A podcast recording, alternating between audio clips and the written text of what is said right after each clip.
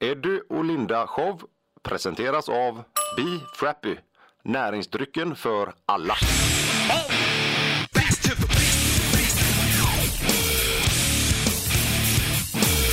Varmt välkomna! Eddie och Linda show är tillbaka på Pirate Rock. Och, eh, vi är ju så här att vi har ju tagit oss upp till Stockholm och eh, matar av en hel del intervjuer. Och idag så sitter det en eh, person som egentligen är KKK faktiskt. Eh, och, eh, ja, det skrattet, nu vet alla vem det är redan. Jag bara, Eh, va?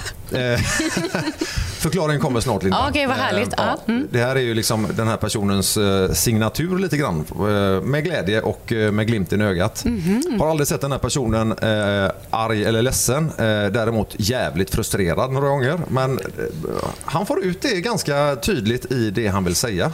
Han är väldigt rolig, driven, orädd. Företagsam. Ja. Eh, stor på sociala medier. Eh, kort. Skådespelare, Ja, gör musikal, teater, konferencier. i princip allting. Mm. Och vi välkomnar väldigt hjärtligt Özz Nujen. Hur är det med dig? Jo, det är bra för att vara KKK, så är det jävligt Ja. bra. Nu vill jag höra ert nu måste du interna berätta här. vad KKK står Ja, för. Det står för korta, knubbiga kurder. Jaha! Som jag tänkte. Vad kan det stå? Jag var vanlig enkel KK. Ja. Det är viktigt.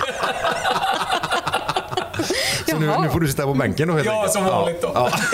Det är du och jag. Jag och Özz, vi spelar ju tillsammans bland annat i TV-laget. Ja. Ja, och eh, Özz har ju smeknamnet Kurdernas Maradona. Jaha. Ja. Och eh, första gången så tänkte jag, nej men vad fan, han kan nog inte lira. Och då, då var du rätt stor faktiskt. Ja, alltså, det var jag.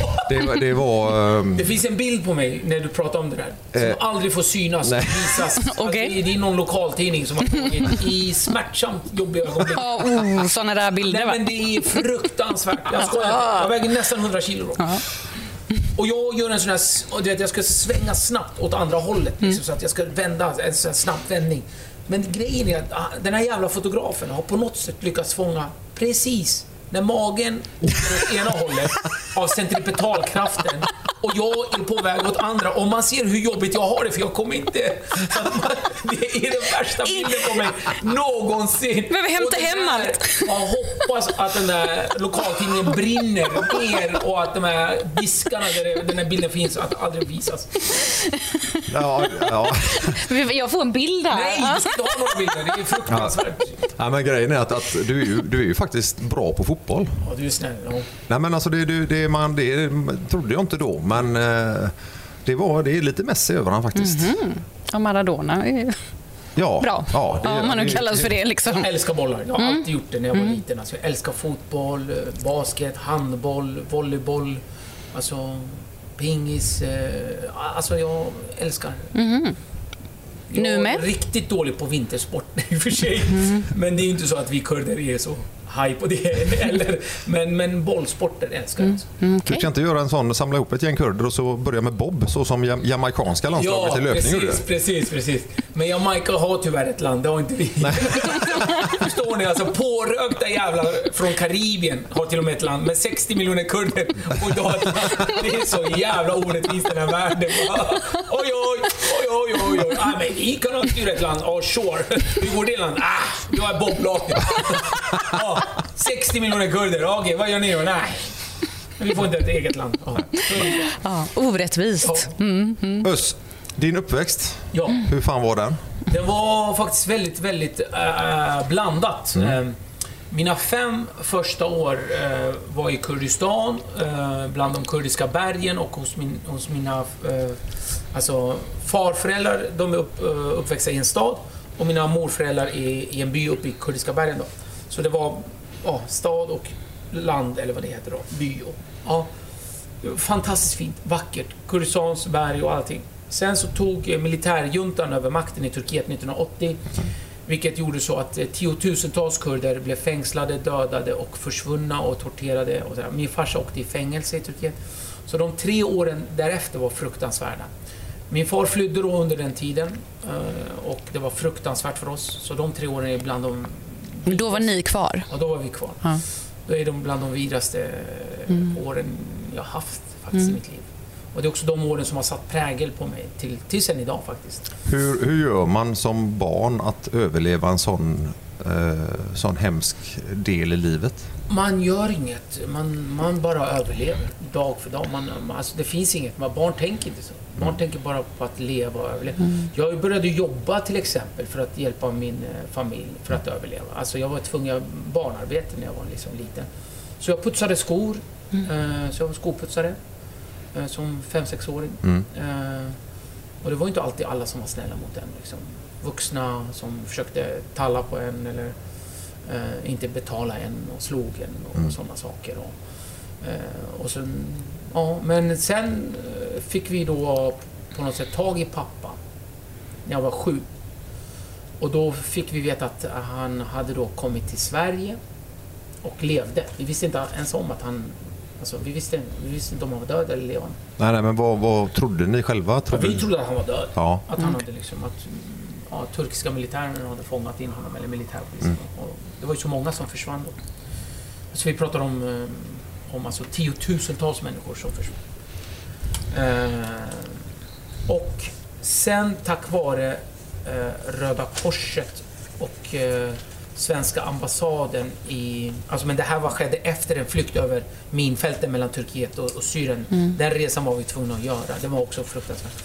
Men så kom vi till eh, Damaskus och tack vare Röda Korset och svenska ambassaden där. Den, den nya ambassadören var det där tror jag, som hjälpte oss. Eh, Så fick vi komma till Sverige med min pappa. Då. Mm. Så, och de hade, de hade en återföreningskampanj, Röda Korset, där Okej. familjer återförenades. Jaha. Så tack vare det så är jag i Sverige.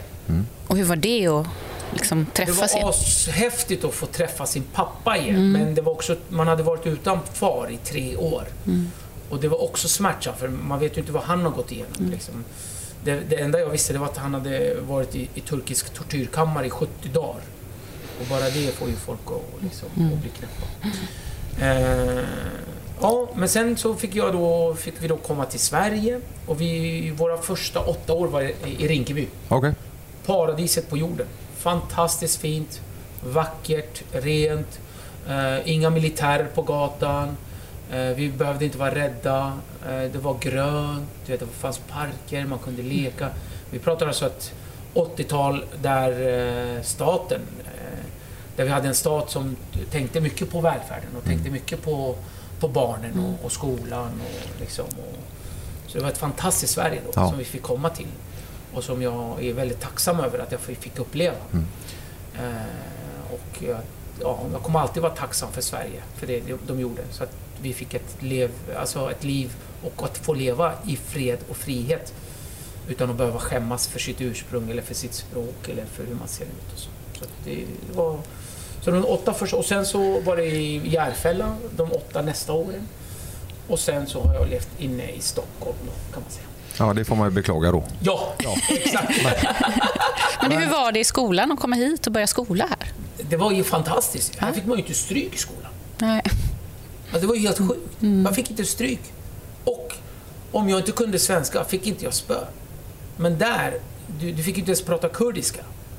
För kurdiska är förbjudet i Turkiet. Så du får inte plugga på kurdiska fastän du är kurd. Fastän ditt folk har levt där i 7000 år. Så kommer det ett nytt folk och förbjuder dig att prata ditt liksom, språk som ni har pratat i 7000 år. Uh, och så det turkisk, den turkiska regimen är så fortfarande än idag. Tyvärr. Med Erdogan och... De är ju både fascister och islamister, så det är två vidriga saker ihop. Och de ska vi ju då tydligen bli bundisar med i NATO. Vilket också är jättesjukt. Ja. Jag, jag som kurd, jag vill bara vara ärlig. Jag, jag tycker att Sverige ska gå med i NATO. Jag tycker det. Men man behöver inte offra sin, liksom, ja, sin egen demokrati bara för att gå med i en allians och, liksom, och bli vän med en kompis. Eller få en kompis som är minst lika vidrig som Putin. Det är där min gräns går. Mm. Har du familj kvar? Ja, Ja. Okej. och de, de har varit tvungna att lämna sina byar och sina områden. Okej. Ja. Hur lever de?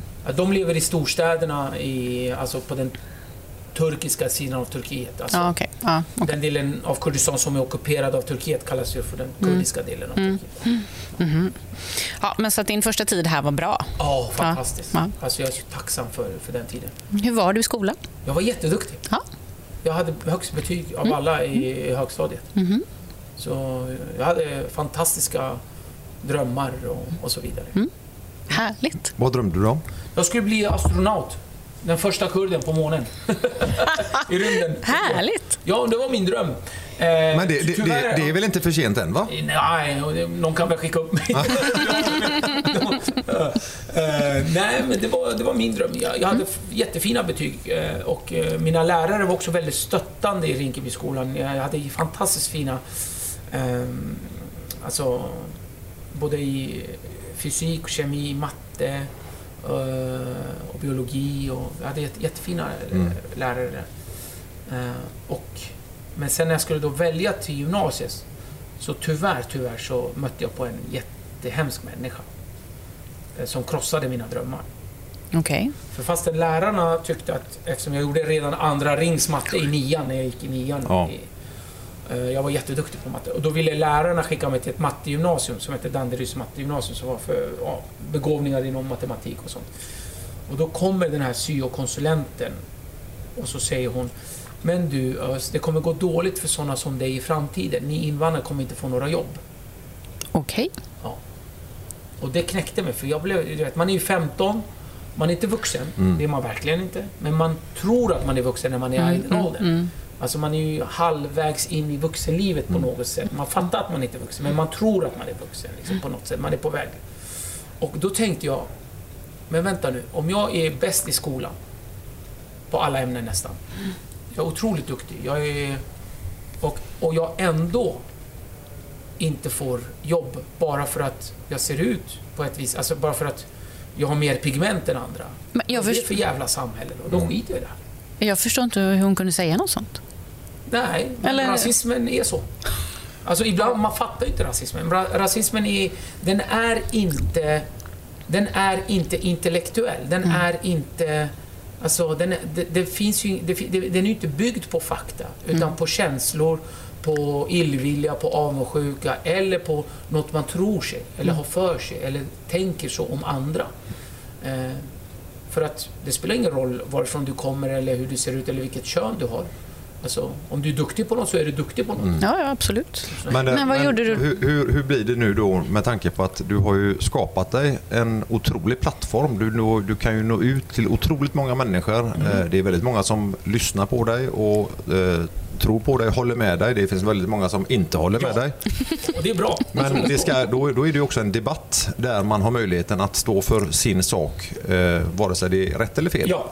Men den här syokonsulenten måste ju... Eh, du, du har ju bevisat att, att du har gjort någonting jävligt bra. Känns det bra i ditt hjärta att... Ja, men såklart. Jag nådde ju andra höjder istället. Alltså, och det är, också, det är också det som är... Eh, på något sätt har varit min drivkraft. Att, för sen hände något annat i mitt liv. Och det var också eh, när jag gjorde militärtjänstgöringen här, i, här i Sverige. Och då får ni man också tänka, då gick jag i Tensta gymnasium, jag sket i skolan, jag var knappt där på lektionerna.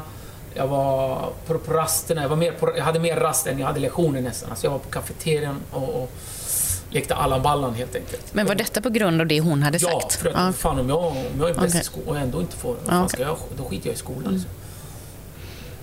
Men, och så då in sista terminen på sista året, alltså sista ring, då, då, ja, då pluggade jag upp lektionerna.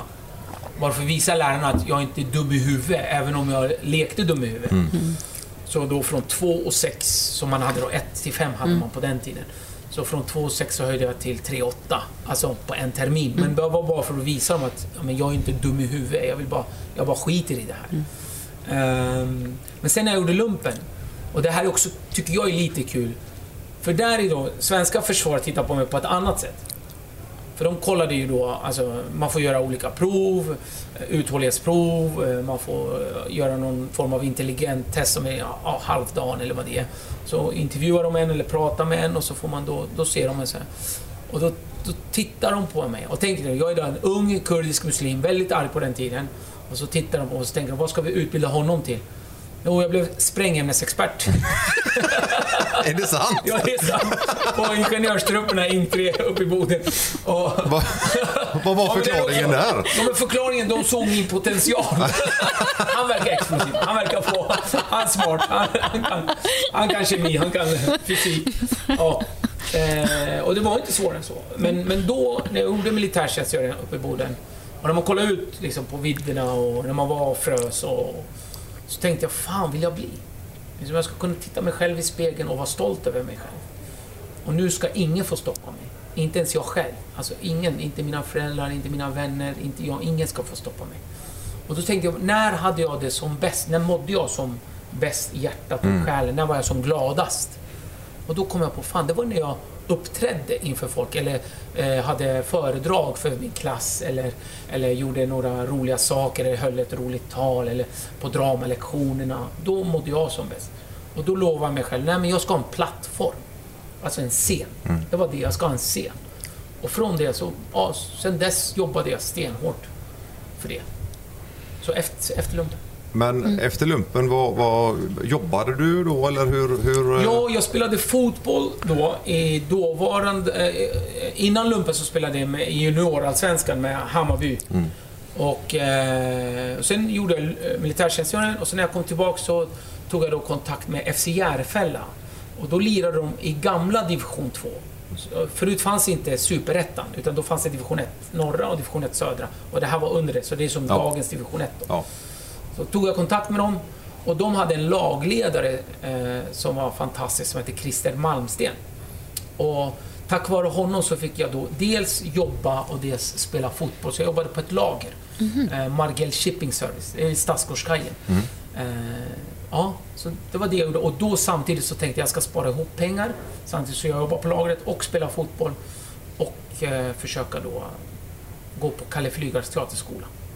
Just det. Och där kom du in sen va? Ja. Och det, men du var tvungen att spara ihop pengar Ja. själv för att Ja. betala? Ja, ja det, det, man fick inte lån då, utan man fick betala själv. Mm, Okej. okej. Ja. Vad kostade en sån Det, utbildning? var, det var dyrt då på den Ja. tiden då. Eh, Men saken, den, är det här är, den här historien med lite... eh, också vad min familj har betytt för mig. För att man, den, är ju, den var ju då på två år. Mm. Jag hade ju råd med första året. Okej. Jag hade ju inte råd med andra året. Men sen då, då lärarna sa till mig att du får om du vill, du, får, du är uttagen för att då slås två klasser ihop. Ja. Så efter, ja, först är man 12-12 då. Alltså olika klasser. Och så blir det bara 12. Man slår ihop klasserna Ja. så är det bara 12 som får gå vidare Jaha. till nästa år. Okej. Och då var jag en av de eleverna som fick gå vidare. Men jag hade inga pengar. Och Hur- jag var jätteolycklig och jätteledsen. Liksom. Men hur löste det sig då?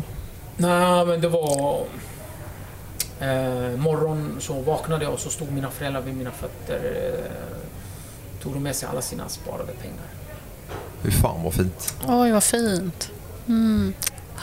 Det är, Härligt. Ja, det var det är kärlek till ens barn. Ja. Men de såg hur mycket du ville göra det här gissar jag. Ja. Alla sina pengar. ja. Åh, vad De fint. såg också att du jagade din dröm och att de ville ge Ja, dig möjligheten men det är att... tack vare dem faktiskt. Ja, vad härligt. Ja, man, jag blir lite tårögd nu får jag säga. Ja, Det jag är, med. eh, Det blev vi alla. en väldigt fin eh, berättelse och att man eh, alla behöver få stöttning. Alla klarar inte allting själva. Nej, verkligen inte. Och det är det som inte folk förstår ibland. Alltså, det finns inga self-made woman eller self-made man där ute. Man är där på grund av sin omgivning. Tack vare sin omgivning. Alltså, det finns alltid någonstans, någon gång, någon person har hjälpt dig. Det kan vara din familj och det behöver inte vara din familj. Det kan vara någon annan, det kan vara en mentor, det kan vara en tränare, det kan vara en vän, det kan vara en kollega, det kan vara någon på gatan bara som du ser det och där och då får det att förändra ditt liv. Så att vi, är, vi är de vi är tack vare det samhälle vi har och de vänner och, och, och samhälle vi har runt omkring oss. Det är därför också man ska ge tillbaks till ens samhälle. Man ska ge tillbaks till det här fina, tycker jag. Vad gjorde du efteråt när du var färdig på Kalle Flygare? Och då började jag sätta upp egna shower. För Jag visste ju sen, du, blir aldrig upptäckt. Det fattade jag redan första dagen. Det är ingen som kommer och klappar dig på att Hörru, jag upptäcker dig. Fan alltså. Nej, men det finns inte. Utan du måste jobba. Och du måste sätta upp grejer. Fixa själv, hitta på saker, skriva. Ehm, ja. Så är det. Ja. Men där, där har jag hört en skröna om en annan artist, eh, Markoolio. Han, Ja.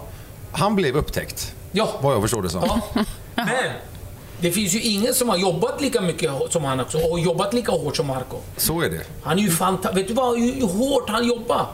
Så tack vare det här, och han liksom producerade och producerade där ute i Orminge Ja. och, liksom, och jobbade. Ja, det, någon upptäckte honom. Ja. Men han jobbade och slet sig. Det är ju så också. Ja. Så gjorde du en soloföreställning. Jag har gjort många nu Eller, ja. Ja. Den första, Ja, när var den? Min, min, alltså, det tog ju tid för mig att, att våga, för att jag... Alltså... Som stand-up-komiker har jag en, ett enormt självförakt. Okej. ja, men jag har... Eh, ehm, jag är min egen största kritiker på det sättet. Och det tog tid för mig. Dels så vet jag också att det bottnar i dålig självkänsla och så vidare. Men det tog många år för mig att våga tänka att men jag har något att berätta eller något att göra eller något att säga. Så att jag får publikens uppmärksamhet i 90 minuter. En one man show då som det här blev då. Eller one woman show när det är en kvinna. Men, eh, men det tog mig 10 år innan jag vågade ta det steget. Jag började med stand-up eh, maj 99, första gången jag testade det. Hur kom du in från, från maj 2000 har jag jobbat med det profession, alltså, har tjänat fått pengar på betalt- det. Ja, fått betalt från maj 2000. Men hur kom du in på stand-upen? Eh, Jag testade det. Ja. En, det var på Ängelen i Gamla stan. Eh, inte så långt härifrån. Eh, där vi spelar in. Och där eh, så testade jag stand och då gick det bra första gången. Och sen så testade jag en gång till veckan efter bara. Så testade jag igen och då gick det åt helvete. Katastrof. På vilket sätt? På alla sätt du kan tänka dig. Fruktansvärt dåligt. Alltså jag skämdes, publiken skämdes, alla skämdes, bartender skämdes, lamporna ville slockna. Allt var, allt var skam. Ja, Det var fruktansvärt. Det var en sån här... Uh, ja. Men hade det varit tvärtom, alltså vi säger att det första hade gått dåligt, då hade jag ju inte ens, tror jag, fortsatt. Men eftersom det gick så bra första gången och dåligt, så dåligt andra gången, så började jag analysera. Jag är sån, jag tänker efter. Varför? Hur? Och liksom, varför gick det bra då och inte då? Och så vidare. Och, så vidare. och då lärde jag mig en ganska bra läxa som stand-up-komiker, men även som skådespelare och talare, att varje gång, varje match, men det här borde jag ha förstått redan liksom när jag spelade fotboll eller när jag höll på med idrott. Varje gång, varje dag är en ny dag. Ny, ny, ny, ny. Du, måste, du, du kan aldrig leva på gamla meriter. Utan du måste leverera idag. Du, du måste vara här och nu. Och tro aldrig att du är något. För att det kan vända så här. Och det var bra läxa. När vågade du gå upp igen? Efter det här dåliga... Ja, men det tog nog en vecka. Ja, okej. Alltså jag analyserade situationen, tänkte varför gick det strök, du vet. Och så gick jag upp med en helt annan ehm, ett helt annat närmande, approach som det heter då. Att man eh, närmar sig materialet, eh, akten och också yrket på ett mycket mer ödmjukt sätt. Och också ge respekt till det. Varje gång är en ny gång. Men jag måste fråga där, för när man står på scenen och, och uppträder, vare sig det är teater eller stand-up eller vad du gör. Vad, responsen från publiken, alltså, den måste ju påverka något enormt. Alltså, Herregud. du Herregud. växer, om det är en bra publik så växer du, men Ja. vad, händer, vad händer när det är en röten publik? Ja, då blir du röten själv alltså. Ja, det är så enkelt. Ja, men alltså herregud alltså. Det är ju fruktansvärda situationer man kan hamna i alltså. Alltså det är själsligt alltså. Ja. Man går där i dödsskuggans dal och man känner sig vämjelig och, och smutsig och förnedrad både av sig själv och av allas blickar. Ingen vill ha det där. Du vill själv inte vara där. Och liksom blickarna säg, är liksom ömsom du vet, medlidsamt och ömsomt föraktfullt. Men det är bara... Det är som en... Äh. Men oftast så är det väl också så här att det finns alltid någon i publiken som ska blanda sig i en Ja. Ja. Jag hade det faktiskt häromdagen. Ja. Ehm, Hur bemöter man det? jag tappade det. Alltså, ja, Vad hände? exakt två dagar sedan. Ja. Jag tappade det. Ehm, Nej men... Jag förstår inte hur man kan lägga ner så mycket tid och pengar på att komma till en stand-up-föreställning. Det här är ändå en av Sveriges bästa klubbar. Eh, Det är raw comedy, det är Christmas show, alltså det är så här, det är mat, det är julmat och allting, du vet. Så kommer man dit och så är man i sin mobil i 40 minuter. Och jag ser då ovanifrån, så ser jag på publiken. Jag tänker Ja. hur publiken är sammansatt. Ja. Jag, jag gör min läxa verkligen. Jag tittar, hur är den sammansatt? Och då ser jag, då är det någon som håller på med sin mobil. Hela tiden. Alltså, och det är samma. Jag ser din frustration Ja. Ja, hela du Och jag kokar. tänkte, nej men jag, och jag hade min lillebrorsa med mig också. Han bara, eh, till slut sa han bara, men det är ju du som är sjuk, låt henne vara. jag bara, ja jag vet, jag ska låta henne vara. Och så kollar jag, och samma, och hon, äh, samma, samma, och så bara, ja. Så och så andra halvlek då, jag ska avsluta kvällen då. Ja, och då ser jag, då har hon flyttat sig och sitter någon annanstans. Alltså, ja. Och då står jag där och så skämtar jag. Men så är det en jättefull person som hela tiden vill ha uppmärksamhet. Och den här personen förstörde för liksom, hela kvällen nästan kan man säga. Ehm, och, man, och som komiker försöker man ta in den personen och försöker liksom, skämta bort en gång, två gånger, tre gånger. Men sen blir det ju lite för jobbigt. För tar man in det för mycket så tar den över showen. Tar man in den inte alls så blir det som att man också är taskig eller negligerar och så vidare. Så, Ja. så det, finns, det, är en, det är en jobbig sits liksom. En vågskål. Ja, men, men den här personen var alldeles för full liksom. Hon var glad. Hon hade inget ont i sig. Alltså verkligen inte. Inget ont överhuvudtaget. Men hon ville vara med. När hon inte ska vara med. Och, det, och då sa jag till slut, men folk betalar inte liksom så många hundralappar för att de kommer för att titta på dig. De vill inte. Liksom, De vill inte höra ditt material som inte ens är material. Det är bara liksom, frågor ut i tomma luften. Liksom. Ja. Ja. Men då lägger sig hon hon som har hållit på med sin mobil i 40 minuter.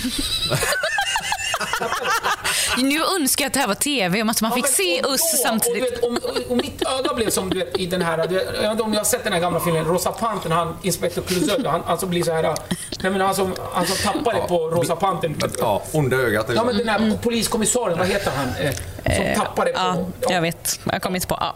Och så samtidigt så kände jag mig också som, som Robert De Niro i Heat när han är på väg till friheten. Han har sin vackra tjej, allt är klart. Och så är den, den där jäveln. och jag sitter där och tänker, alltså jag har allt. Jag, folk tycker om mig, det är en bra kväll, jag fixar det här. Men hon, alltså... Äh. Och sitter jag liksom, jag har, jag har turistparadiset framför mig. Världens vackraste tjej, allting, allt är perfekt. Alltså, men hon, den där jäveln. Alltså, och så bara, och så vände jag bilen. Jag bara vände bilen in i tunneln och bara går på henne. Hon med mobilen då? Ja. ja. Och du, brorsan hade tagit tid.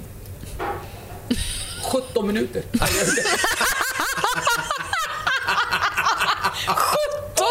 minuter! Och jag vet inte hur det gick till. För jag var bara allt som fanns inom mig. Jag tror hon fick andra grejer också. 17 minuter, högt och lågt. Folk garvade och tyckte nej men nu får du ta det lugnt. Och så bara upp och ner och på henne. Och jag gick på, och hon hade någon kille med sig, stackare, som också liksom var med. Och jag bara, hur kan du vara, hur kan du stå ut? Och han, jag bara, varifrån kommer du? Och han bara, jag jag är också kurd. Jag bara, men det är därför vi inte har något land. Vi står ut med sånt där skit. Och det blev upp och ner och det var kaos. Ja. Så ja, jag tappade, tyvärr. Så, så kan det hända med mig när jag kör stand-up. Är det första gången? Nej. Nej, okej. Men det är inte varje föreställning? Nej, nej, nej. Och sen igår var det en fantastisk kväll. Alltså, helt... Alltså, det är verkligen fantastisk kväll. Ja. Rikt, alltså, det var inte så att det var dålig kväll, kvällen innan. Ja. Alltså, det var en annorlunda kväll. Det var inte bara roligt. Förstår ni? Alltså, det, var, det, var en, alltså, det var en annorlunda kväll. Det var inte dåligt, det var inte bara hemskt, utan det var annorlunda. Och jag tappade. Jag ber om ursäkt. Men nu har du laddat ur då för tre månader framåt så att nu... Ja, ja, ja. ja. Nej, men sen så tog vi kort, eh, jag och den här tjejen och hennes kille och alltså hon Ja. som hade stått med sin mobil. Och, Jaha. ja, för mig är det jätteviktigt att prata med dem sen så att det Ah, inte okej. blir, du vet, så att det inte blir hard feelings. Eh, Och hon tyckte bara det var roligt. Ja, hon, hon var fortfarande glad. Hon skällde ut dig i 17 minuter. I 17 minuter skällde ut dig. Och folk det Och ja, mitt i allt det här också, du vet, så här, efter 10-15 minuter så, här, så är det någon kvinna i mitten som bara “Prata med oss normala istället! Vi är normala!” och gör så här. Jag bara “Du är fan inte normal!” Alltså, jag bara. Ja, åh, herregud. Allt på en och samma gång. Ja, vad härligt. Men så är det med mig. För, för att jag vill också... När folk kommer och tittar på mig när jag kör stand-up, alltså när jag kör klubb-standup som, som det blev, som det är, som jag oftast älskar mest. Då vill jag att när man har tittat på mig att man inte ska känna igen mer än halva materialet. Alltså jag vill att det varje gång någon kommer och tittar på mig så ska det vara annorlunda. Okej. För det finns vissa komiker som kör exakt samma material. År efter år efter år efter. Jag har typ 6-7 timmar i huvudet som vispas runt. Och så tar jag ut och kastar några och så plockar jag in nya saker och så vidare. Men jag vill inte att någon ska komma och titta på mig och säga Du, det här var exakt som igår, eller exakt som förra året, eller så. Ja. Men hur mycket impro, alltså, har du improvisation Ja. när du står på scen Ja. också? För att du, du möter ju hela tiden en oblik inte skrivit situation. 17 minuters utskällning. Fan, jag ligger lite efter nu liksom. nej, nej, nej, nej. Nej, men jag... jag eh, nej, men inte för att skryta, men jag tror att jag är en av Sveriges absolut bästa på att improvisera. Ja. För att jag älskar den här stunden, för att det är oftast mycket roligare att vara snabb än att försöka vara smart och eftertänksam. Ja. För när du väl kommer på det där, då blir det inte lika roligt. Även om det är underfundigt, eller lite småkul, eller roligt så, här, så blir det inte lika kul som här och nu. Nej. Det finns inget som slår det. Och det älskar jag. Liksom. Och, och, men, men man måste våga. Och det är det som det handlar också Att våga vara i den där osäkerheten. För det, det blir inte alltid kul heller. Men det blir alltid intressant. Det känns ju som att du vågar skämta om det mesta. Ja. Men finns det något som du bara, nej, det där Nej. ämnet, Nej, jag har inget. nej, du skämtar om allt. Ja, Kan man skämta om allt då? ja det kan man. För det, Och det ska man kunna göra. Saken är den, det här är också lite konstigt. Eh, jag blir ibland lite fundersam över människor som ska bestämma vad folk får och inte ska få skämta om. Eh, Eh, jag blir så här, men vem är du? Liksom. Alltså, alltså, hur kan man sätta sig på så höga hästar på, åt andra hållet? Så är det också, bara för att du skämtar, alltså du som skämtare eller skojare, alltså komiker eller sko vem du än är. Bara för att du skämtar om en sak så, behöv, så behöver inte det heller betyda att du ska undgå kritik. Alltså, du kan göra jättedåliga skämt. Alltså, du har rätt att, att göra dåliga skämt. Men du har också rätt att bli kritiserad för dåliga skämt. Men jag tror ibland folk förstår inte den skillnaden. Så man har rätt att få ha ett dåligt skämt. Men du har också rätt, som, som du lyssnar, alltså som du lyssnare, tittare, har du också rätt att kritisera den personen för det skämtet, för att du inte tycker att det är kul. Men det får aldrig leda till att du säger, du får inte skämta om det. Det är två olika saker. Och det är det folk ibland inte förstår. Liksom att man sätter sig i den positionen och man tror så här, nej, man får inte skämta om det här. Men vem är du? När, när blev du en stat eller en religiös ledare? Eller, alltså, det är som att helt plötsligt blir hon eller han Putin eller Erdogan eller, eller Khamenei i Iran och man, de ska bestämma vad, eller förstår du? Alltså det blir konstigt. Ja. Jag, jag tycker vi ska faktiskt värna om det Sverige vi har, där vi har väldigt, väldigt högt i tak och där vår yttrandefrihet ger oss eh, alltså väldigt mycket att kunna skämta om. Men det ger också oss inte heller friheten att undgå kritik, vilket är också fint. Förstår ni? Det, är det, här, det är det här samspelet vi, vi får inte glömma att vi har. Du har rätt att skämta, men du har också rätt att bli arg på ett skämt.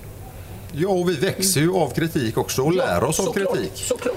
Men möter du någonsin hot? Att Ja. folk blir hotfulla? Ja, såklart. På, Okej. vilket, på vilket sätt då? Ja, på alla möjliga sätt. Jag har haft eh, personskydd. Jag har, eh, Jaha. folk har velat bränna ner mina hus. Eh, folk har slagit mig på stan. jag har fått kämpa och slåss för livet några gånger. Så det finns ju både rasister och tyvärr islamister där ute som hatar en för det man är och för det man står för och så vidare. Så att jag har ju fått utstå ganska mycket, eller väldigt mycket, hat och hot för att jag är den jag är. Och så är det tyvärr. Och ändå orkar du ställa det där Ja, igen. vad- vad- det är ju vad är fantastiskt. alternativet? Ja. Vad är alternativet? Ska de jävlarna få vinna? Nej. Aldrig i livet. Fan, jag fick ju fly från mitt land, från Kurdistan, för att komma och leva i ett av världens bästa länder. Om inte jag försvarar det här yttrandet, det här vackra landet, vad är jag då? Då är jag bara en liten jävla lort. Alltså, fan, Sverige är värt att försvara. Sverige är värt att slåss för. Sverige är ett av världens finaste, bästa länder. Jag förstår inte hur folk inte kan förstå det. Det är fan ett av världens bästa länder. Hur, för hur fan kan man inte stå upp för andra människor? Hur kan man inte stå upp för yttrandefriheten? För, vår, för vårt vackra land, för vår demokrati, för vår, för vår välfärd, för våra liksom, du vet, gemensamma värderingar. Det är ju fint, Ja. tycker jag. Sen finns det andra som tycker olika. Då- Det, och det, och det, liksom, vi lever i ett så bra land, ni får tycka det. Ja, Alltså, absolut. förstår du? Det är det. Och folk förstår inte det. Och det är det här som gör mig så här ibland lite... åh, alltså man blir trött. Men jag har också lärt mig att inte ta alla diskussioner. Du, tar, du tar bara de du kan vinna. Nej, verkligen inte. Nej, nej. nej. Grejen är så för att eh, livet blir så här, för att de vill inte höra något annat än sitt eget egentligen. För det, det blir ingen diskussion. Det blir bara ett liksom sorl, för de vill bara bekräfta sin egen världsbild. En sån människa, en fanatiker, en, en, en sån liksom som är helt blind och, och rätt trogen på ett alltså, och Det kan vara religiös åskådning eller ideologi eller politisk hemvist. En sån person liksom går inte att prata med till slut. För att hon eller han vill inte egentligen. De vill bara föra fram sitt budskap. Ja. Och det, det är verkligen så. Har man inte minsta tvivel så är man inte riktigt klok. alltså, alltså, man, måste, det, man måste tvivla alltså, som medmänniska. Hur, hur ofta tvivlar du? Tvivla hela tiden. På min egen skaparkraft, på min egen intellekt, på, min, på mina egna alster. Och, Alltså, man tvivlar hela tiden. Alltså, ibland är det värt det här. Liksom, jag är 47, eh, har, har inget förhållande, inga barn. Alltså, är det värt det här? Men det är ju för att jag har tagit ett aktivt beslut. Ingen ska kunna hota min fru eller mina barn för att komma åt mig. Alltså, det, det är ett aktivt beslut jag har tagit. Vilket också är hemskt. Varför ska jag ens behöva göra det? Men det har jag fått göra för att jag har varit hotad och hatad i över 20 år. Och det är också ett liksom, medvetet beslut som jag hela tiden går omkring med. Liksom. Det räcker med fan att de hotar mina föräldrar eller mina syskon eller syskonbarn, vilket är fruktansvärt. Liksom. Det är hemskt med någonting som ändå ska vara roligt. Stand-up Ja, men, men, och liksom... men grejen är så här att eh, det är roligt så länge det, handl- det inte handlar om dig. Mm. Eller att skämtet är på din bekostnad. Det är ju så också det är det farliga. Mm. Du vet. Alltså, ah, bra att du skämtar om dem, men skämta inte om mig. nej, det, nej. Det, det är ju, Vi, du och jag har ju varit ute och snurrat några, Ja. några gånger Ja. i, i våra liv här. Ja. Och de gångerna som du faktiskt har skämtat om mig så, så eh, jag, jag blir ju glad. ja, men det är för att du, du är smart också. Du är rolig, för att du fattar ju att jag inte menar något illa. Nej, tvärtom. Ja. Du, du gör ju det med Ja, kärlek och ja, glimten i ögat. ja. Och då är det ju bara att ta det och så bara, fan jag bjuder på den. Ja. Ja. Och det är inte så att du inte skämtar tillbaks. Eh, men jag, jag, jag, jag skämtar lite mer fysiskt. Ja, ja, ja. Herregud, han bara lyfte upp mig en gång. Jag bara, jag bara försvann upp i luften. Jag bara, vad hände? Jag fanns inte. Jag bara kollade upp och ner. Ja, livsfarligt. Jo. Men också de gångerna som du, du har stukat fötterna när vi har spelat fotboll så har jag ju fått... Ja, alltså den gången du räddade mig faktiskt. Ja, men alltså, det var ju det var inte bara fot, det var ryggen. Det var ryggen var det, ja. Ryggskottet från helvetet fick jag igen. Jag har haft problem med ryggen några gånger. Och så fick jag ryggskott. Och du vet, jag kom inte upp. Okej. Ja, men då kommer ju... Ja. Ja, Det gjorde han alltså. Lyftkranen från Göteborg. Bara, slängde upp mig. Jag var, jag var helt borta. Och jag hade så ont. Jag visste inte ens, liksom, du vet, för han vände och vred, vred på mig så jag tappade liksom känseln i röven och allting. Jag var helt borta. Jag bara låg där som en, som en klase liksom. Nej, jag var helt borta. Fan vad ont det gjorde. Men du, du fixade det. Tack. Ja. Tack för hjälpen. Verkligen. Men, Jag ser ännu en bild. ja. Ja. Ja. Ehm, Vi går vidare till eh, skådespeleriet. Mm. Eh, när vi tittar på din meritlista får man ju ändå säga, för det är ju en helvetes massa film du har gjort. Och röster och... Mm. Ja. Alltså du har ju verkligen en, en, en, en röst med i det mesta. Ja. Eh, någonting som jag blev väldigt förvånad över, du har spelat in franska filmer. Ja! Hur Och det är inte sådana filmer, du behöver inte kolla sådär. Såna filmer. jag undrar ju här lite nu. Ja, nu får Linda, du... Linda vaknade här nu helt plötsligt. Äntligen Ja. börjar vi. nej, nej, eh, eh, nej, jag har spelat i två franska filmer. Eh, och jag har haft eh, eh, en, en huvudroll i ena och eh, en större biroll i den andra. Okej. Mm. Hur, hur kommer det sig att du vågar ta en sån grej? Alltså, eh, Och det här är också tack vare svenska skolan. Jag lärde mig franska i Sverige, i skolan. ja. Och sen kunde jag det. Och då fanns det möjlighet att kliva in och... Ja, ja, men eh, alltså, jag, jag pratar så bra franska så att jag ändå kan få göra film. Här. Så Det är ändå coolt ju. Och det är tack Ja. vare svenska skolan. Riktigt coolt. Om man säger så här då. Först och främst, vilken är den filmroll du är mest nöjd över att du har gjort? Jag har inget sånt nu, men jag har en, en grej på gång nu. Um, må han vila i frid. Ehm, Sven Melander. Ehm, Det är hans idé och det är han som har kommit på manuset och sen har jag och varit med och skrivit till lite saker till den. Men det, det är Sven Melander och så Paolo Viracca. De har skrivit det stora delen av manuset. Eh, Men då kom han fram till mig för typ två och ett halvt år sedan och sa att vi har en serie på gång. En, en rolig serie. Och vi tänkte dig som huvudrollen. Och den kommer till våren. Till april. Åh, vad roligt. roligt. Ja. Och det, Har vi något namn på den? Eh, nej, det är hemligt. Ja. Superhemligt. Men det är åtta avsnitt eh, dramakomedi kan man säga. Eller mer komiskt än, än drama. Eh, som kommer till våren. Är det väl någon drömroll då som du har fått? Nej, men det är, jag är jätteglad för det är första stora huvudrollen i en svensk TV-serie där jag har en huvudroll. I, I många andra har jag haft så här biroller och, och sådana saker. Jag har, haft, och jag, har- jag har varit med i en stor roll tillsammans då med Peter Magnusson i 10 000 timmar, men det är en långfilm. Liksom. Som för övrigt är helt underbar. Ja, vad snäll du är. Tack. Men där fick jag ju vara med då. Men, eh, men det här är ju en, en huvudroll. Liksom. Det, det är ändå coolt ju. Tog 23 år, men det är ändå bra. Häftigt. Spännande Ja. ska det bli. Du, Måns Muller. Ja, Ja. han är fin. Ja. Ja, alltså. Vad har ni för relation? Men att ni har gjort... Eh, vi är väldigt... eh, vi är som två bröder kan man säga. Han... eh, han har fantastiskt stort hjärta. Han är jättegivmild och generös. Eh, och så är han väldigt smart. Det tror man inte när man tittar på honom. Säg ingenting om det. Jag, nej, jag hade, trott- jag, hade jag bara sett han på stan så hade jag tänkt tandläkare. Nej, jag får inte skämta om hans tänder. Han fick dem i arv av Anna Bokman. Nej, men håll inte på att skämta om honom. Det, det, Nej, nej, nej. Vi ska försöka hålla oss. Ja. Ja. Mm, absolut. Nej.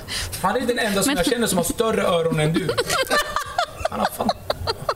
Ja, men det är hemskt. Ja, men det är, han, hans öron sticker ut mer än dina. också. Du har ju ändå en olycka i arbetet. Du har sådana här äh, blomkålsöron. Men han har ingen ursäkt. Men han ändå. Nej. Det var ju hemskt under pandemin var det ju. Du vet när vi alla blev av med jobben. Han fick ju jobb direkt som parabol ute i Rinkeby. Ja, det... Nej, men han var den enda som fick in Al Jazeera och så. så var... Honom. Hur, hur, hur kom det sig att ni två eh, hittade varandra? Jag vet faktiskt inte riktigt hur det var. Men jag tror att han kom och tittade på någon pjäs som jag gjorde. Jag satte upp egna grejer då, ganska mycket och sådär. Och sen eh, så hade han någon stand-up-klubb som jag gick och tittade på. Men jag tror att jag, när jag fick verkligen upp ögonen för honom, det var... Eh, det var Skara, i Skara var det. Det var en eh, komikerfestival i Skara. Och då kommer jag ihåg, då var det några jättestora liksom, snubbar som ville slåss. Och han, Måns, du vet, jag och han är lika långa. Alltså vi är exakt lika långa. Men den där lilla parven, Ska han, och han var så modig, han gick mot de här. Jag bara, shit vilket mod! Du vet, jag blev så här imponerad. Ja. Liksom. Det där är modigt. Liksom. Inte rädd för... Uh, ja, men det, jag, jag, jag tycker om sånt, liksom, när, man, när man står upp för sig. När man, när man kämpar, liksom, oavsett motståndet. Ja. Så står man, liksom, man står pall för sin, för sin övertygelse. Och det, det tyckte jag var coolt att se. Och det gillade jag. Det kommer jag ihåg. Jag bara, fan det där det är en cool kille. Ja. Och då började ni, eller ni fann men varandra på något så, sätt? Nej, men så började vi köra stand-up lite. Och sen så gjorde vi en resa. Eh, det var jag, han och Patrik Larsson, en annan stand-up-komiker. Och de två har jag faktiskt fortfarande väldigt, väldigt fin och tät och nära kontakt med. De två är nog mina absolut närmaste stand-up-vänner och bröder. Ja. Eh, Så Patrik Larsson är ju också, han är en av de absolut roligaste jag känner. Måns är ju fantastisk på scen. Men han kan vara jävligt tråkig vid sidan om. Okej, vi hör det. nej, men, nej, men, nej, men, han är rolig, han är också rolig med privat. Men Patrik Larsson är nog den som är absolut roligast av oss. Både privat och på scen. Det är han som gör den här karaktären, jag vet inte om ni vet om det, men det är den här um, ja, dansken. Karsten Torebjer, Psychic medium, yeah yeah. Nej, den har inte jag sett. Nej, alltså det är fantastiskt. Han är, han är ett geni, Ja. Patrik Larsson. Att han inte är mer känd har bara med hans namn att göra. Patrik Larsson. Vad är det för jävla artistnamn? Jag trodde det var en rörmokare. Ja, eller hur? Ja. Han ser ut som en rörmokare, utan jobb. Men i detta, så vad har du för förebilder när du liksom, alltså vad, vad fan tycker du är roligt? Alltså, ehm, det enkla, det snabba. Folk eh, som inte tar sig själva på för stort allvar. Folk som ser sina egna begränsningar och kan driva med det, tycker jag är fantastiskt kul. Sen gillar jag att slå hål på saker som, du vet, du vet när någon tror att hon eller han är förmäten eller för stor eller så. Alltså, du vet, eh, det tycker jag är kul. Sen tycker jag personmässigt, alltså vilka som jag har haft som idoler, det är nog Charlie Chaplin, Eh, Joan Rivers, hon är, alltså, hon är fantastisk. Hon är tyvärr död nu, men när hon var alltså, stand-up-komiker, herregud vilken fart hon hade. En judisk gammal kvinna som hade inga gränser. Fantastiskt rolig människa. Alltså otroligt rolig.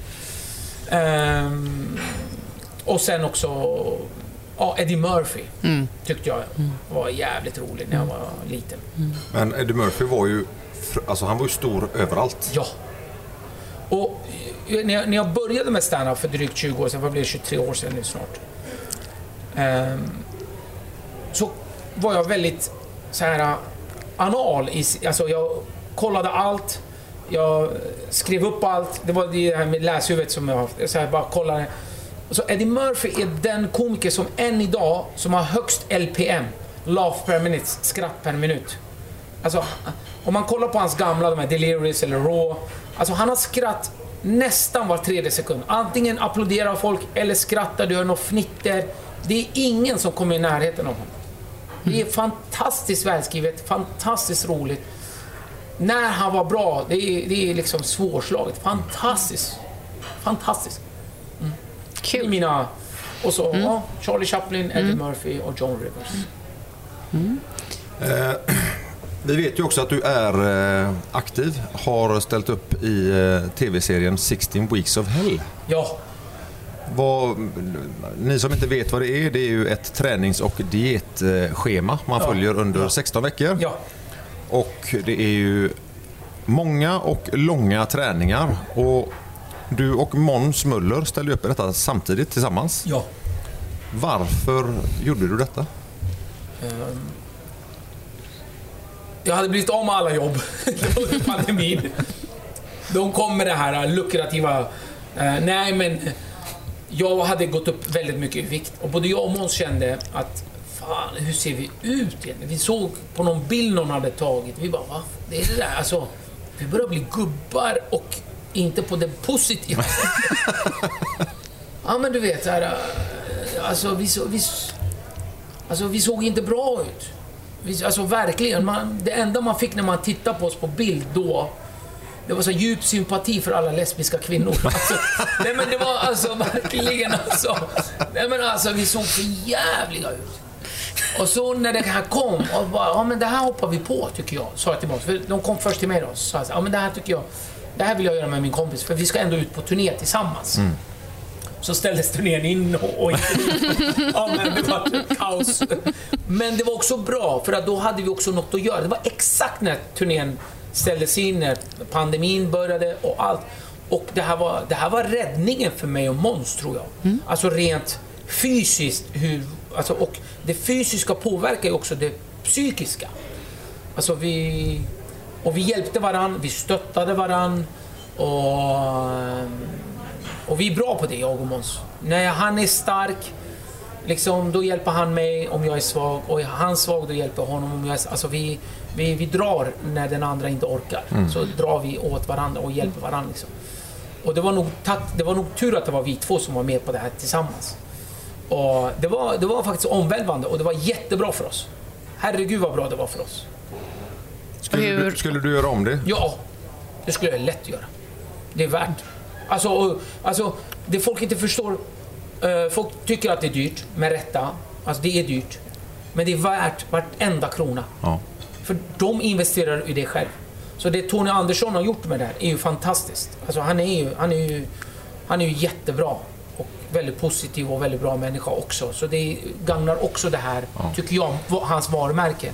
Eh, och det säger jag inte för att alltså jag, jag känner inget på det här. Inte alls. Jag har däremot tjänat på att vara med i det här programmet. Och det folk inte förstår, det är ingen... Det, är ingen, det, det handlar inte om att gå ner i vikt. Folk fattar inte det. Det handlar om att komma i form. Alltså ibland så åt jag för mycket. Alltså det, enligt det schemat. Jag har aldrig ätit så mycket som under 16 weeks of hell. Mm. Det var under... Jag bara, men jag... Alltså jag ville inte... Det gick, men man var... För det, det här handlar inte om vad du vill äta, utan vad du behöver. Och det är två olika saker. Jag tror inte folk förstår. Liksom, när du tränar så mycket som du gör, du behöver äta mycket, men du behöver också äta rätt.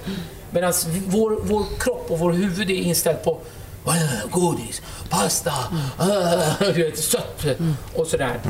Och ehm, det, var, det var en bra väckarklocka för den. För att jag, är, jag håller mig i form än idag faktiskt. Jag försöker hela tiden. tä- 60% handlar ju faktiskt om att kunna motstå. Som ni era jävlar, ni har ställt ut. Alltså det är så goda saker framför mig. Dessa svin. Eddie och Linda. Eddie och Linda. Hemska människor är vi. Fy Men du, hur, hur tränar du idag då? Hur ser din... Alltså jag tränar Träningsrutin. inte så mycket. Jag har inte, varit, alltså jag har inte varit på gymmet en enda dag efter 60 weeks of hell. Okej. Mm. Inte en enda dag. För Jag att... hatar gym. Okej. Nej, jag, du vet ju själv, jag var ju på ditt gym där. I, I Göteborg. Nej, men han är så snäll. Ja, men kom till mitt gym. Jag hjälper dig lite. Och vad gjorde han? Jo, han hjälpte mig, men jag kunde inte gå på två, tre dagar sedan. Alltså efter det. Nej, men det blir bara så. ja, men jag, jag fixar inte för att man måste, och, och de som går på gym ska ha all respekt för att de är duktiga och de, de vet vad de gör. Men jag, jag, det är bättre att ta, för mig är det bättre att ta en lång promenad på över en timme. Jag tycker där går min gräns. Jag måste ta en timme i rask takt. Då känner jag, liksom, då börjar jag, ja, då händer det någonting med min kropp. Går du varje dag? Nej, Nej. men jag går faktiskt så ofta jag kan. Alltså, Har du hållit maten efter ja, 60? någorlunda. Det har det har varit upp och ner, självfallet. Liksom. Men eh, fan, jag har fortfarande kvar mina rutor. Säger han och känner på rutorna. Ja. Gött. Ja, men alltså på riktigt, det är ju helt sjukt. Jo, men jag tänker på det att, alltså, att komma i form. Jag tycker ju rund är också en form. Ja, Ja, det det är är, ju- ju, nej, men det är också en fin form. Ja. Jämn, Men- jämn och fin. Och, Ja. Man ser ut som en vinglas i kroppen. eh, det är ju så här också, eh, eftersom du är kurd. Ja. Eh, när du kom till Sverige så eh, Svenska måste vara ett ganska svårt språk att lära sig. Ja, det är det. Engelska kan ju de flesta, Ja. men Men alltså, eh, det svenska språket är ju ett av eh, de finare och vackrare språken tycker jag. Eh, Men det är fruktansvärt svårt att lära sig eftersom vi är också ett av de få språk där vi har fler undantag än regler. Alltså, men till exempel våra bokstäver, de uttalas ibland på olika sätt.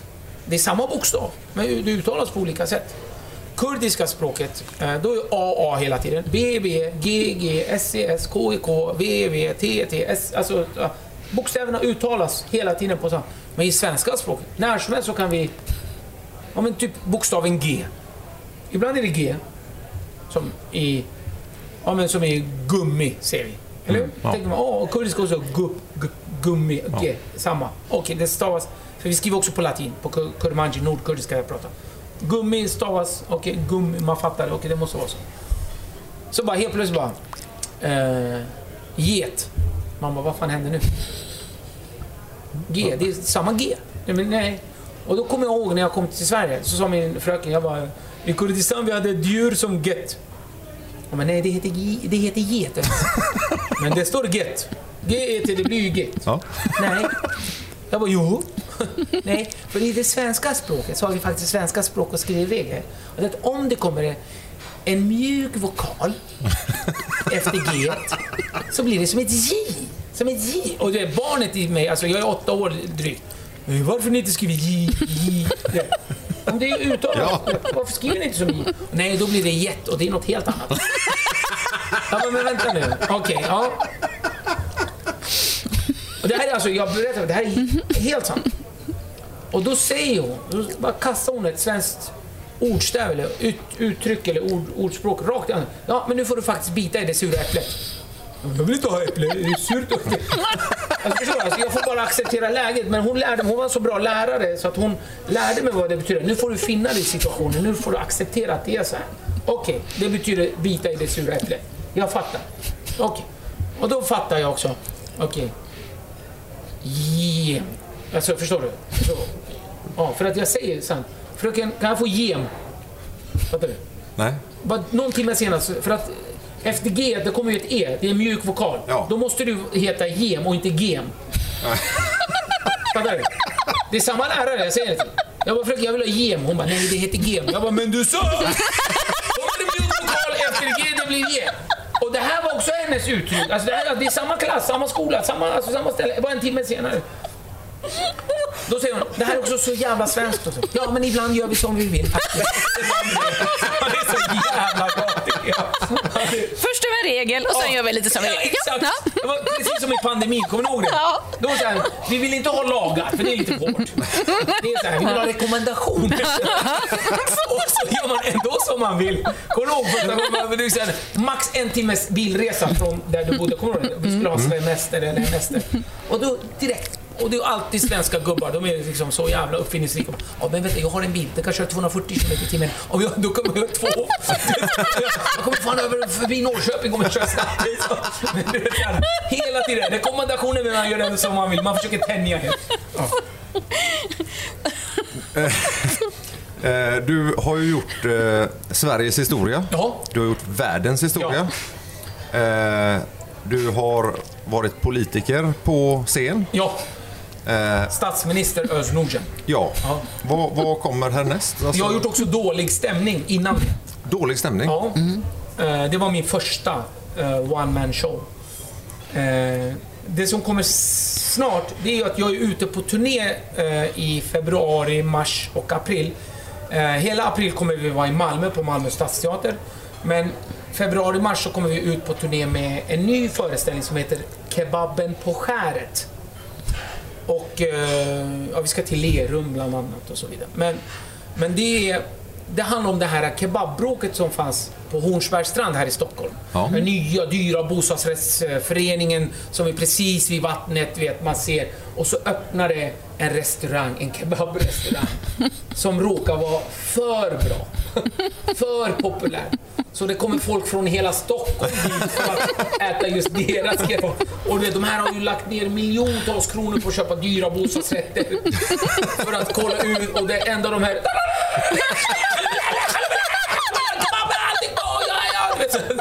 Och, du, och bostadsrättsföreningen försöker få bort den här kebabrestaurangen för det är för populärt. Det är för god kebab. Så halva bostadsrättsföreningen älskar kebaben, vill inte få bort den, men de är lite trötta på de här förortskillarna som och tjejerna som kommer. För det är så jävla god kebab. Så att till och med liksom, de i bostadsrättsföreningen liksom, smugglar in kebab så att ingen granne ska se. Och de liksom, och så, till slut så vill de få bort det här. Det blir rättsfall och hit och dit. Och så här. Så den här föreställningen bygger på en sann, alltså true based on a true story. Så den ska vi ut med, med Riksteatern hela nästa vår. Det blir jävligt kul. Ja, det låter Då väldigt kommer roligt. vi garanterat göra så att vi kommer bjuda in er till studion innan Ja. detta så att vi sitter och snackar om detta i studion. Ja, vad kul. Ni- Och ni är hjärt- hjärtligt välkomna om ni, om ni har värdena förbi också. Min fråga är ju Det är med, det är med Riksteatern jag gör det här, så att de vet. Ja. Riksteatern. Min fråga då är ju så här, eftersom du är politiskt aktiv, du värnar om Sverige, man hör ju på det, du älskar ju verkligen Sverige, Ja. detta Mm. landet vi bor i. Ska du bli politiker? Eh, nej, eh, det här jag gör är bättre.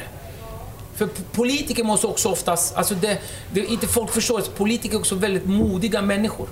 Som vågar att ta det beslutet och bli politiker. Och det ska vi ha väldigt stor respekt för. Alltså att, att besluta sig för att bli politiker är väldigt modigt. Och det ska också eh, respekteras och hyllas att folk vill verkligen på någonting de tror så satsar de hela sin tid på, på det. Liksom. Eh, jag är inte lika modig. Jag är mycket modigare som komiker och som skådespelare och som skribent eller författare. Eh, för att det är det jag kan. Och det jag brinner för. Och jag tror också oftast att, att, att, att man kan säga så mycket mer allvarliga saker med lite socker i botten, med lite skratt, med lite avslöjande, liksom så att vi kan skratta till och, och så vidare. Ja. Eh, Men våra politiker ska vi ha respekt för. Även om man ska kunna kritisera dem skarpt och hårt och så vidare, så ska vi ändå alltså, ta hand om dem. För det är faktiskt väldigt modiga människor där ute. Absolut, jag håller med. Då har vi nästa del i vårt lilla program Mm. Ja. och det är tio snabba frågor. Med snabba svar. Ja, Mm. eh, inte som eh, Niklas Andersson, han spenderar en kvart mellan varje svar. Och så skulle han också argumentera lite. Ja, han skulle berätta om Alltså varför. Niklas, vad är det för fel på dig? Va? Medelmåttan från Hisingen. Ja. Han är ingen jävla medelmåtta. Han har ju tjänat miljoner den där jäveln. Ja, och han, Och är- han och bor inte på han Hisingen längre. Nej, och så ska han fortsätta försöka vara folkets man. Och du vet, det är jobbigt att tjäna så mycket nu va. Åh, Kanske ska de två tillsammans i studion. alltså han är så... Han är den mest framgångsrika jag känner. Det är min rikaste kompis. Jag älskar dig. Du, han bjuder nästa gång. Ja, det är klart han ska. Fy fan. Han är fin. Niklas är... Ja, vet du vad som är så fint med också göteborgare måste jag säga? Varje gång man är där och man hör av sig, oavsett om det är du eller Niklas eller någon annan, så, tar man, så blir man alltid väl omhändertagen. Så han, Niklas är så jävla fin på det sättet. Han möter upp en, man går ihop och äter någonstans. Man kan, vi, bägge, vi älskar Liverpool båda två. Beklagar. Ja, jag vet West. Men alltså vi är ju det. Och så, det, men det är så fint. Jag gillar honom. Han är en väldigt fin människa. Härligt. Nu kör vi tio snabba. Ja. Husmanskost eller går det helst på fin restaurang? Husmanskost. Vinter eller sommar? Sommar. Kött eller fisk? Kött. Rock eller pop? Rock. Smoothie eller en öl? Öl. Alla, frågor. alla, alla tio frågor är öl. Jag älskar öl. Alltså, jag, är världens sämsta muslim. Alltså, jag, är så jävla alkad muslim, ni fattar inte. Och jag frågade om du vill ha kaffe förut. Jag ber om ursäkt. Nej, men jag ska köra bil. Ja, Eh, jogga eller powerwalka? Uh, powerwalka. Morgonpromenad eller nattklubbshäng? Uff, det är ju samma sak för mig. Oh, alltså är det det? Du går liksom... Ja, Ja, ja. Nu är det tvärtom. Nattklubbshem och sen promenad hem. Ja, men det är okej. Ja. Ja, okej. Då tar vi båda på den. Ja. Ja. Eh, cykel eller bil? Eh, bil. Eh, när du ser på film, är det skräck eller komedi? Jag fixar inte skräck. Nej. Komedi. Ja. Ebba Busch eller Janne Josefsson? Eh, jag passar. Nej, men det är som att välja. Eller kolera. Ja, nej, nej jag, vill, jag, vill, jag vill bli lös i magen eller dö direkt. Och dö av bägge. Jag vet inte vad. Ja, men vad fan. Det var, ett, he- det var helt Ja. okej. Ja. Ja, vi, vi misstänkte det nämligen. Eh, Ja. nu är det så här Rust, nu ska du få fundera lite. Ja. Och Vad har jag varit med Varför gjorde jag det här? Fundera över dina livsval. vi har glömt att spela in detta så vi får ta det en gång till. Nej, jag har sett hur det... det, det Jajamän. Eh, nu ska Ja, du är sånt få... där också jag är så här lite autistisk. Jag kollar så att allting är på och fungerar och så att ingen... Ja. Gud vad Jag har, skönt. jag har, det är därför jag också... Jag gillar att ha så här överblick i rummet och... Ja, lite- Bra. Nu ska du få välja två personer, levande eller borta, alltså döda. Ja. eh, som du ska få bjuda på middag. Och du får välja vilken tidsepok som helst, vilka människor som helst. Och vi vill veta vilka två personer vill du bjuda på middag?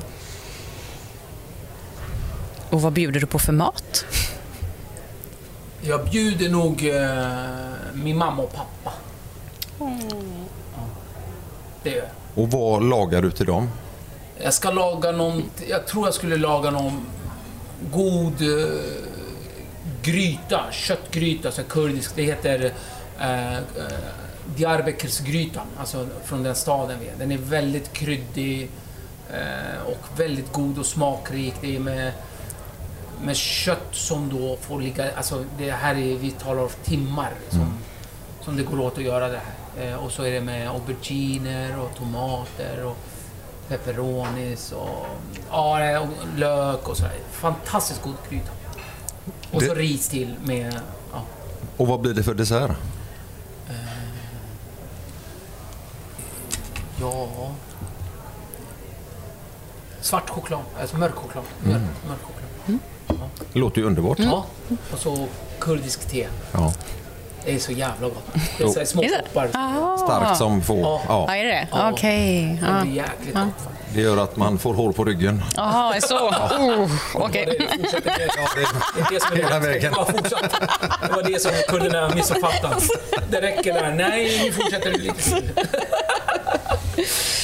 Eh, vi brukar också lämna två eh, varsitt Instagram-tips. Eh, något bra Instagramkonto som vi eh, gillar att följa och som vi tycker är, vill rekommendera att få ut.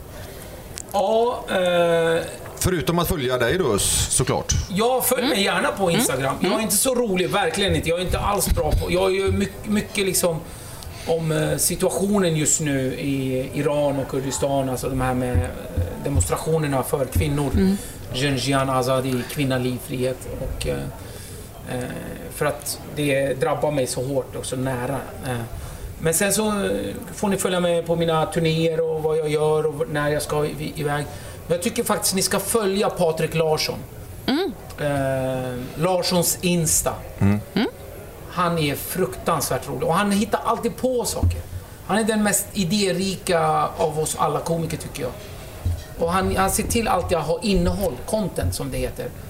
Nu har han hittat på någon ny karaktär som är fruktansvärt dryg Östermalms... Eh, Åh! Den är jäkligt rolig. Alltså, och så ska han då komma med någon hälsning varje fredag med den nya karaktären. Så Patrik Larsson, Larssons Insta. Larssons Insta. Larssons Insta. Ja, men då, Instagram. ja. Underbart. Linda? Men jag har ett litet charmigt konto som jag gillar att följa som heter Herregud och kompani och det är egentligen små eh, ritar, målade figurer med eh, dagens visdomsord. Liksom. Jätte, jättecharmigt. Herregud och kompani. Finns på, tryckt på muggar och brickor och sånt i så här, designaffärer. Jättegulligt konto. Härligt. Mm. Ja. Och du? Jag vill att vi följer Sveriges roligaste video, heter den. Enkelt. Eh, Det är alltså man skickar in eh, videos till den här eh, som man tycker är skitroliga när man har lyckats filma någon dåre som slår sig eller trampar på lego eller något annat. Och så skrattar man ju. För skadeglädjen, det är ju den bästa, det är den bästa glädjen som det, finns. Det, ibland är det sant faktiskt. Det är så sjukt. Ja. Här sitter man och tänker åh, finurliga, roliga grejer man ska skriva och så bara någon ramlar bara. Det är så jävla taskigt och Ja, men det- orättvist. Ja, men det är inte det. Nej, jo, Någon jo. som skitar ner sig och bara... bara Men det är, jag tror att alla tycker att det är Ja, roligt. det är- alla ja. tycker det. Om du skulle vilja skicka med ett tips, ett livstips alltså på att må bra eller att leva bra eller sådär. Har du något du skulle vilja skicka iväg? Jag tar hand om det, tyck om dig själv. Eh, och det blir bättre. Alltså, om ni har unga lyssnare så vill jag bara säga att det blir bättre. Jag lovar. Stå ut, det är värt det. Det blir bättre. Och eh, tyck om dig själv. Eh, för det är du värd. Ibland tänker man att det inte är, men det är det. Man, man ska tycka om sig själv. Fint. Mm, viktigt. Ja. Mm, jättebra tips. Ja, ni hör ju, Us är ju inte bara underbart rolig utan han har ju en eh, tanke bakom det han säger och eh, jag går i god för att det är en man med ett, det största hjärtat. Eh, jag känner ingen kurd som har större hjärta. Du är den enda kurd jag känner. Ja, Det var det jag tänkte Ja. komma fram till. Jag är den enda kunden jag känner. Ja, men, nu försöker du ändå säga något Kan jag fint. bajsa på tårtan här? Ja, är det. Det är ju godaste tårtan. Och här kommer bajset. Uh, Us, fan vad kul det var att ha med dig. Tack. Helt underbart. Och, eh, vi ser fram emot eh, när du kommer till studion. Ja, Och du ska ha din show i Lerum. ja. Men eh, vi tackar för att ni lyssnade orkade med oss den här stunden också. Tack Gus, det var jätteroligt verkligen. Tack. Ja, Tack tack. Puss och kram allihopa. Ja, ja. Glöm inte, vi finns på radio och vi finns på podd. Ha det gött! Hej då! Hej då!